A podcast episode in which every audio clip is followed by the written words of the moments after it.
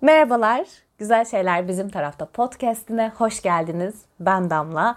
Umarım çok keyifli bir anda beni dinliyorsunuzdur. Her ne yaparken beni dinliyorsanız, bulaşık yıkarken, spor yaparken, yürüyüş yaparken, toplu taşımadayken, araç kullanırken, yemek yaparken ya da çayınızı, kahvenizi, şarabınızı alıp oturup beni dinlerken umarım çok keyiflisinizdir. Her şey yolundadır. Ben çok keyifliyim. Antalya'dayım. Hava bayağı ilkbahardan kalma bir sıcaklıkta. Pırıl pırıl şahane bir güneş var. Ve sizlerden aldığım mesajlar ve yorumlarla arayı çok uzatmadan, heyecanla, aynı motivasyonla hemen yeni bir bölüm kaydetmek istedim. Başlarda daha planlı gidebileceğimi düşünüyordum bölümlerde ama biraz aslında gündemi takip etmenin ya da gelen mesajları takip etmenin bana iyi geldiğini fark ettim. Bu da şöyle bir şeye sebep oldu. Bir önceki bölümde küçük bir girizgah yaptığım kulüp dizisiyle ilgili çok fazla yorum okuyorum. Çok fazla e, bilgiye maruz kalıyorum ve o kısımla ilgili de sizlerden mesajlar aldım. Bu arada paylaşımlarınız, mesajlarınız, yorumlarınız için çok çok teşekkür ederim. Az önce etmiş miydim bilemedim ama böyle ısrarla teşekkür etmiş olayım. Evet bugün kulüp dizisinden konuşacağız bu kulüp dizisi ne menen bir şeydir, ne oldu da bütün Twitter'da, sosyal medyada sürekli bu dizi konuşuluyor. Ve bu dizi sadece dizi olarak değil, bir toplumsal mesele olarak konuşulmaya başladı. Buna çok heyecan duyduğumu, çok mutlu olduğumu söyleyerek başlamak istiyorum. Dedikten sonra hemen bir giriş yapacağım. Şöyle bir soruyla başlamak istiyorum. Türkiye'de bir toplama kampı olduğunu duymuş muydunuz? Biliyor muydunuz? Pardon toplama kampı değil çalışma kampı olduğunu biliyor muydunuz? Yoksa siz de bunu ilk defa kulüp dizisinde mi duydunuz? Ya da varlık vergisi kelimesi deyince aklınıza ne geliyor? Tarih dersinde böyle küçük bir konu başlığı olarak işlediğimiz azınlıklara karşı çıkarılan imtiyazların geri alınması gibi saçma sapan, hiçbir anlamı olmayan, gerçekliği olmayan bir bilgi olarak mı aklınızda kaldı? Ya da Azınlık deyince aklınıza kimler geliyor? Azınlık kelimesi size neleri çağrıştırıyor? Türkiye'de azınlık sorunu deyince tarih derslerinde size öğretilmiş kalıp cümleler mi geliyor aklınıza? Yoksa kulüp dizisinde Matilda'ya olduğu gibi bu varlık vergisinin birçok insanı ailesiz, evsiz, barksız bırakan bir vergi olduğunu biliyor muydunuz? Bir süreç olduğunu, toplumu çok ayrıştırdığını ve ondan sonra her şeyin çok değiştiği hakkında bir fikriniz var mı? Türkiye maalesef neresine baksak acılar, katliamlar, kederler, her şeyin hüznü fışkıran bir ülke. Hafızamızın canlı kalmasına, her şeyi hatırlamasına mümkünat yok. Ama hiç duymamıştım. Benim böyle bir uygulamadan hiç haberim yoktu. Ben bu vergiyi hiç duymadım. Bu toplama kampını, bu çalışma kampını hiç duymadım. Demek gerçekten bir tesadüf değil, bir politikanın sonucu bu. Her şey gibi bu da hayli politik bir mevzu. Yani tıpkı zihnimizdeki birçok kavram gibi. Ya kulüp dizisini izlemeyen kalmamıştır diye umuyorum. En azından podcast dinleyecek kadar niş zevkleri olan birileri mutlaka diziyi de izlemiştir. Diziden spoiler vereceğimi çok düşünmüyorum. Daha böyle aklıma geldiği gibi konuşacağım ama dikkat edeceğim buna da. O yüzden rahat rahat dinleyebilirsiniz. Bu bir dizi eleştiri yorum bölümü asla değil. Sadece bu diziyi izledikten sonra dediğim gibi toplumsal olarak meseleler konuşulmaya, tartışılmaya, bu konuda bir sürü içerik üretilmeye başladı. Bahsettiğim içerikler sadece YouTube videoları, TikTok videoları, Instagram Reels'ları, podcast'ler, radyo yayınları değil. Gazete haberleri, konuyla ilgili yazılan köşe yazıları, paylaşılan akademik bilgiler gibi sosyolojik bir hareketin bir parçası olduğunu ya da bir fikir telakisinin anahtarı olduğunu, marşa bastığını düşünüyorum kulüp dizisinin. Bu yüzden de çok mutlu ve çok keyifliyim. Bir önceki bölümde aslında bu diziden etiketler üzerinden konuşmuştuk. Yahudi kelimesini duyunca aklımıza neler geliyor?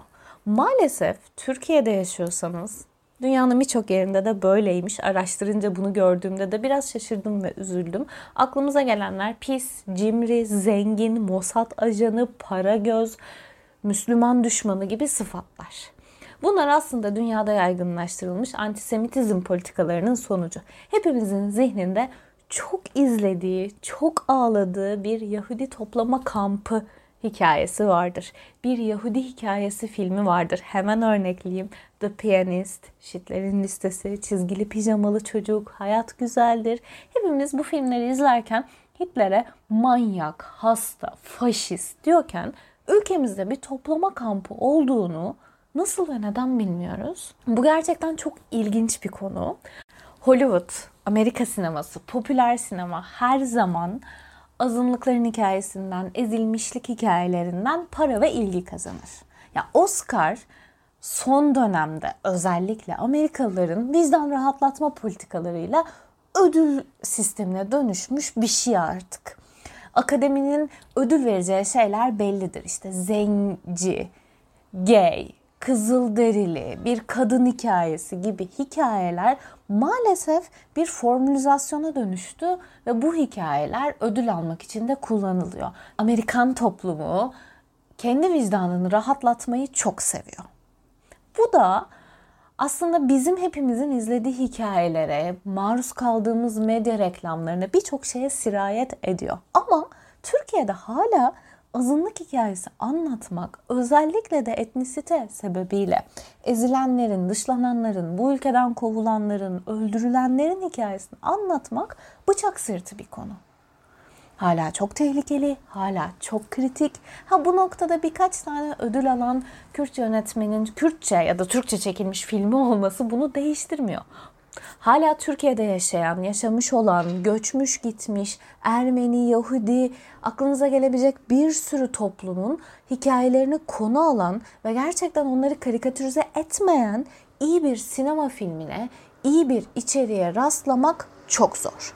Bu konuda ilk yapılan filmlerden biri olan Salkım Hanım'ın Taneleri filmi çok tepki çekmişti.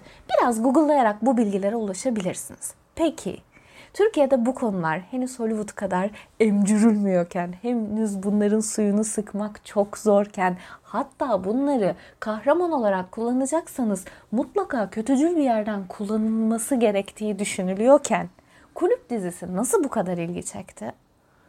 İlk defa bu dizide seferatlar, Yahudiler, azınlıklar karikatürize edilmeden, acımasız, tefeci sıfatına sıkıştırılmadan gerçekliğiyle anlatıldı onların inanışları, onların alışkanlıkları, onların hayata bakışlarıyla anlatıldı. Ve merkeze de bir acitasyon hikaye koyulmadı. Ama bu hikayede bence en özel şeylerden biri kadın hikayesi olması. Anlatanın, çekenin, dünyayı kuranın ve oynayanlardan iki tane kadının hikayesi. Her yerinden pırıl pırıl kadın zekası akıyor valla. Ha ben diziyi çok beğendim. Bunu baştan söylemiştim ama en çok sevdiğim ve en çok sevindiğim şeylerden biri unutulan birçok konuya tekrar mercek döndürmesi, tekrar algıyı oraya çekmesi oldu. İster istemez insanlara bu insanlar bu ülkede vardı, azalsa da hala var ve siz bu olayları biliyor muydunuz diye düşündürtüyor. Ve bir sürü güzel tartışmaya sebep oluyor. Twitter'da okuduğum kadarıyla varlık vergisi hakkında insanların bilgilenmesi, o dönemi öğrenmesi konusunda inanılmaz iyi oldu. Çünkü belli bir entelektüel seviyenin üstündeki insanlarda, belli bir eğitim seviyesindeki insanlarda dahi bu konuya dair bir bilgi yokmuş. Keza ben de evet bilsem de ben çok meraklı bir tip olup buna dair araştırmalar yapmış olsam da benim de bilgim çok sınırlıymış. Mesela ben diziyi bir kere tek başıma bir kere de annem ve babamla izledim aynı hafta içinde. İki farklı kuşağız biz evde. İki farklı kuşağın hem karakterlere hem de bu politik mevzulara bambaşka bakabildiğini gördüm. Mesela annem ve babam için o çalışma kampı, o dinlerini saklama ihtiyacı, şabatla olan ilişkileri çok üzerinde durmadıkları bir mevzuya dönüştü. Kanıksanmış bir gerçekken benim için aşk hikayelerini izlediğim kadar, oradaki kulübün hikayesini izlediğim kadar önemli bir yerdeydi. Ve dizi izlerken zihnimde sürekli bir neden ve nasıl, nasıl oldu ya? Ve niye böyle bir şey olmuş? Nasıl olmuş? Neler olmuş? Bu insanlar şu an ne yapıyorlar diye kocaman bir soru işareti döndü zihnimde. Bunun dışında bu topraklarda bir dönem yoğun olarak konuşulan ve şimdilerde çok az insanın konuşabildiği Ladino dili bizlere ile ilk defa buluştu. Daha doğrusu biz o dille ilk defa buluştuk. Okuduğum kadarıyla diziliğe danışmanlık yapan seferat Yahudileri dilin çok iyi kullanıldığını söylüyorlar dizide ve zaten danışmanlık da yapmışlar. Hatta orada figürasyon olarak gördüğümüz birçok insan da bu Yahudi cemaatinden insanlarmış. Bu konuda büyük pay oyunculara düşmüş gibi görünse de aslında hassasiyetle çalışan senaristinden yönetmenine, yapımcısına, prodüksiyonuna herkesin emeği çok büyük. Hemen burada senarist Rana Denizer ve ekibine kocaman bir alkış ve kocaman bir teşekkür etmek istiyorum. Ee, kendisini Twitter'da Ranini Manini doğru hatırlıyorumdur umarım tam olarak olarak görmüş olabilirsiniz. Türkiye'deki diziler hakkında çok fazla yazar, röportaj yapar. Daha önce de bir yazım kendisinin sitesinde yayınlanmıştı. O yüzden de kendisini böyle hep takip eden biri oldum. Bence onun en büyük başarılarından biri insanın ailesinin hikayesinden yola çıkıp koca bir ülkeyi bir konuya çekmesi, bir konuyu tartıştırması, birçok şeyi duyurması, birçok kültürle tanıştırması oldu. Ha, evet eğer duymadıysanız kendisi dizimizdeki Rachel'in kızıymış. Bunu da bir röportajda söylemiş. Annesi ve anneannesinin hikayesinden esinlenerek kurguyla gerçeği birleştirip kalbimize bir sıcaklık, zihnimize kocaman sorular bıraktı. Hatta dizide ne kadarı gerçek, ne kadarı kurgu hep bu konuşuluyor ve merak ediliyor. Mesela dizideki kulübün Maxim Gazinosu olduğu, Çelebi'nin Fahrettin ya da Sacit Aslan olduğu, Salih Bademci'nin çok incelikle ve bence çok dozunda oynadığı Selim Songür karakterinin Zeki Müren olduğu konuşulmaya başladı. Sacit Aslan'dan ve Rana Hanım'dan da bildiğim kadarıyla hemen bir açıklama geldi. Kimse kimsenin birebir ifadesi değil diye anlatılmış. Sadece Taslan hatta bizim hiç o kadar kötü bir e, müdürümüz olmadı diyor. Burada da Fırat Tanış'a bir böyle hayranlığımı belirteyim. Çünkü kendisi bu kadar sevilmeyebilecek, bu kadar uzak tutulabilecek bir karakteri sebepleri sonuçlarıyla çok gerçek anlatıyor. Dizinin konusundan şöyle bir kısaca bahsedecek olursak dizide ana kahramanlarımızın hepsi birer kulüp etrafında buluşuyor ve bunu aile kavramı üzerinden işliyor senaryo. Hiçbir karakter kusursuz değil. Hem fiziksel hem de ruhsal olarak kusur, kusursuz çizilmemiş. Özellikle Asude, Kalebek ve Gökçe Bahadır'ın highlighterlarla, pürüzsüz ciltleriyle uyanmamalarına, banyodan mükemmel saçlarla çıkmamalarına bayıldım. Şimdi bu sizin için bir gereklilik olabilir. Bu ülkede e, böyle yapılması gerektiğini hepimiz biliyoruz ama ne gerekli sahnelerde kadınlar çığlık çığlığa ağlıyor ama rimelleri akmıyor, rujları bulaşmıyor, mükemmel görüntüleriyle histeri krizleri geçiriyorlar. Maalesef böyle bir kültür var bu konuda ülkede. Ne desem de doğru ifade etsem, doğru sözcüğü seçsem, kimseyi kırmasam ve içinde bulunduğum sektörde işsiz kalmasam diye biraz düşündüm açıkçası. O küçük esimin sebebi bu oldu. Hemen burada dünya kurma başarısı tartışılmaz Zeynep Günay Tan'a ve bence şahane bir ortaklık çıkaran Seren Yüce'ye alkışlar yolluyorum. Zeynep Günay Tan deyince aklınıza zaten bu ülkede çekilmiş en iyi diziler geliyordur. Gelmiyorsa da bir bakın hangi dizileri çekmiş, neleri yapmış bir görün. Seren Yüce de zaten her zaman sinemasıyla benim için ilham verici olmuş biridir. Yolumuz kesişsin dileklerimi evrenin münasip yerlerine iletiyorum ve ikisine de büyük saygılar duyuyorum. Bu ülkede kaliteli iş yapmanın karşılığı olmadığının düşünüldüğü bir düzende ahanda cevap gibi bir iş hem hikaye anlatabilir, hem satışını yapabilir, hem de gerçekten toplum üzerinde, ülke gündeminde etkili olabilirsin. Alın yapımcılara sunum yapın. Salsınlar artık ya şu zengin çocuklarla güzel kızların imkansız imkanlı eşsiz aşklarını, düşman aile savaşlarını bu topraklarda anlatılacak bakın çok hikaye var. Çok fazla gerçek var. Doğru yerinden yakalanırsa her hikayeyi izler seyirci insanı zaaflarıyla, doğrularıyla, aidiyetleriyle anlatmaktan kıymetli gerçekten hiçbir şey yok. Ama bu aidiyetleri anlatabilmek için gerçekten birazcık kafamızın çalışması gerekiyor.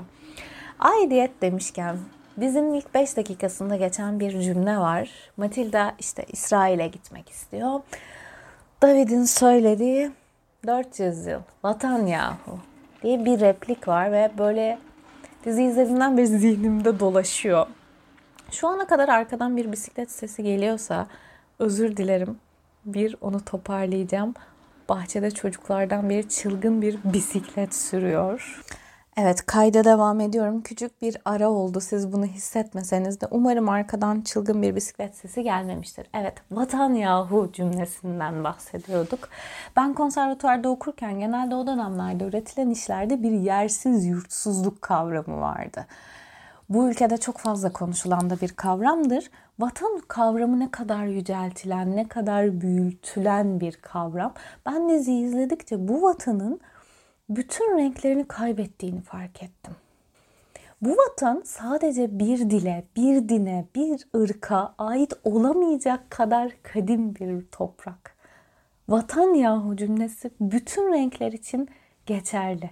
Renkleri kaybettikçe tahammülsüz, acımasız, sevgisiz bir topluma ve ülkeye dönüştük haliyle de. Bu ülkenin ne kadar renkli olduğunu anlaması için bir insanın gerçekten çaba sarf etmesi gerekiyor. Yoksa göremezsiniz renkleri. Yoksa göremezsiniz sizden farklı olanları. Görmemeniz için her şey yapılıyor. Şöyle özetleyeyim. Ben Antalya'da doğmuş, büyümüş bir beyaz Türk'üm. Kadın olmak dışında ezilen ve etnisite sebebiyle de ayrıştırılan hiçbir gruba ait değilim. Ben çocukken bu ülkede diğerleri olarak bildiğim tek grup Aleviler ve Kürtlerdi. Evde de Alevi türküleri, deyişleri dinleyen bir annem olduğu için hiç ayrıştırma nedir? İşte onunla konuşma, onu yapma, bu olmasın falan. Bu nedir hiç bilmedim. Ne zaman üniversiteye gittim, Hataylı bir arkadaşımın, ilkokul arkadaşının adının George olduğunu, bir başka arkadaşımın babasının adının Gassan olduğunu, sınıf arkadaşımın Hristiyan olduğunu, başka bir arkadaşımın hamursuz bayramında okul tarafından izinli sayıldığını öğrendim. O zaman tanıştım ben başka halklarla ve inanışlarla. Kürtler dışında bildiğim başka bir grup yoktu. Gitmişlerdi sanki tarih derslerinde birer küçük konu başlığı olan gayrimüslim sorunu ve azınlıklar, imtiyazlar. Böyle başka bir yüzyılın konusu gibiydi. Halbuki ben çok okuyan izleyen bir tipim. Anne Frank'in günlüğünü okuduğumda, pazar günleri televizyonlarda verilen sayıya sümük ağladığım Piyanist, Hayat Güzeldir, Şitlerin Listesi gibi filmleri izlediğimde bunun bizim ülkemizde olmuş olabileceği, bu halkların buralarda da bulunmuş olabileceği asla aklıma gelmedi. Bunu sadece Almanya'nın bir konusu sanıyordum. Kötü kalpli birileri birilerine zulmetmiş, yakmış, yıkmış, parçalamıştı. Ya hatta bu sebeple yani kimya mühendisliğinde okurken en çok duyduğum sorulardan biri şuydu. İnsandan sabun yapılır mı? Anlatılır ya Hitler'in insanları yakıp sabun yaptığı. Ya belki de Fight Club etkisidir bilemem ama bu soru çok soruluyordu. Peki Fight Club için Fincher bu konuda neyden etkilenmişti? Gerçek bir hikayeden mi? Peki bu gerçek hikaye hepimizin neresinde duruyor? Ez cümle. Ben İstanbul'a taşınmasaydım, bu insanlarla tanışmasaydım, İstanbul'da yaşadıkça, Paskalya gördükçe dünyam genişlemeseydi ya da ben bunlara açık biri olmasaydım bu tanışıklıkları hiç yaşamayacaktım. Ben bunları gördükçe, tanıdıkça, dünyam genişledikçe ruhumun da zenginleştiğini hissettim. Ama ben kendi cam fanusumu kırabildim. Ya bu ülkede o kadar çok kıramayan insan var ki. Ben birkaç yıl önce Türkiye'de yaşayan Yahudilerle ilgili bir merak duymaya başladım. Neden Musevi denmeye başladı? Bu insanlar kim? Neden hepsi aynı okullara gidiyorlar? Neden hep birbirleriyle evleniyorlar? Neden ben Yahudi deyince hep zengin olması gerektiğini düşünüyorum? Gibi soruların içerisinde dolaşmaya başladım. Bunda Shalom gazetesinin de aslında çok büyük bir payı var. Tiyatrocuysanız mutlaka bir oyununuzla ilgili yazı Shalom gazetesinde çıkmıştır. Gerçekten kültür sanat faaliyetlerine çok önem veren ve bu konuda da çok fazla yazı yazan, oyunları eleştiren bir gazetedir Shalom gazetesi.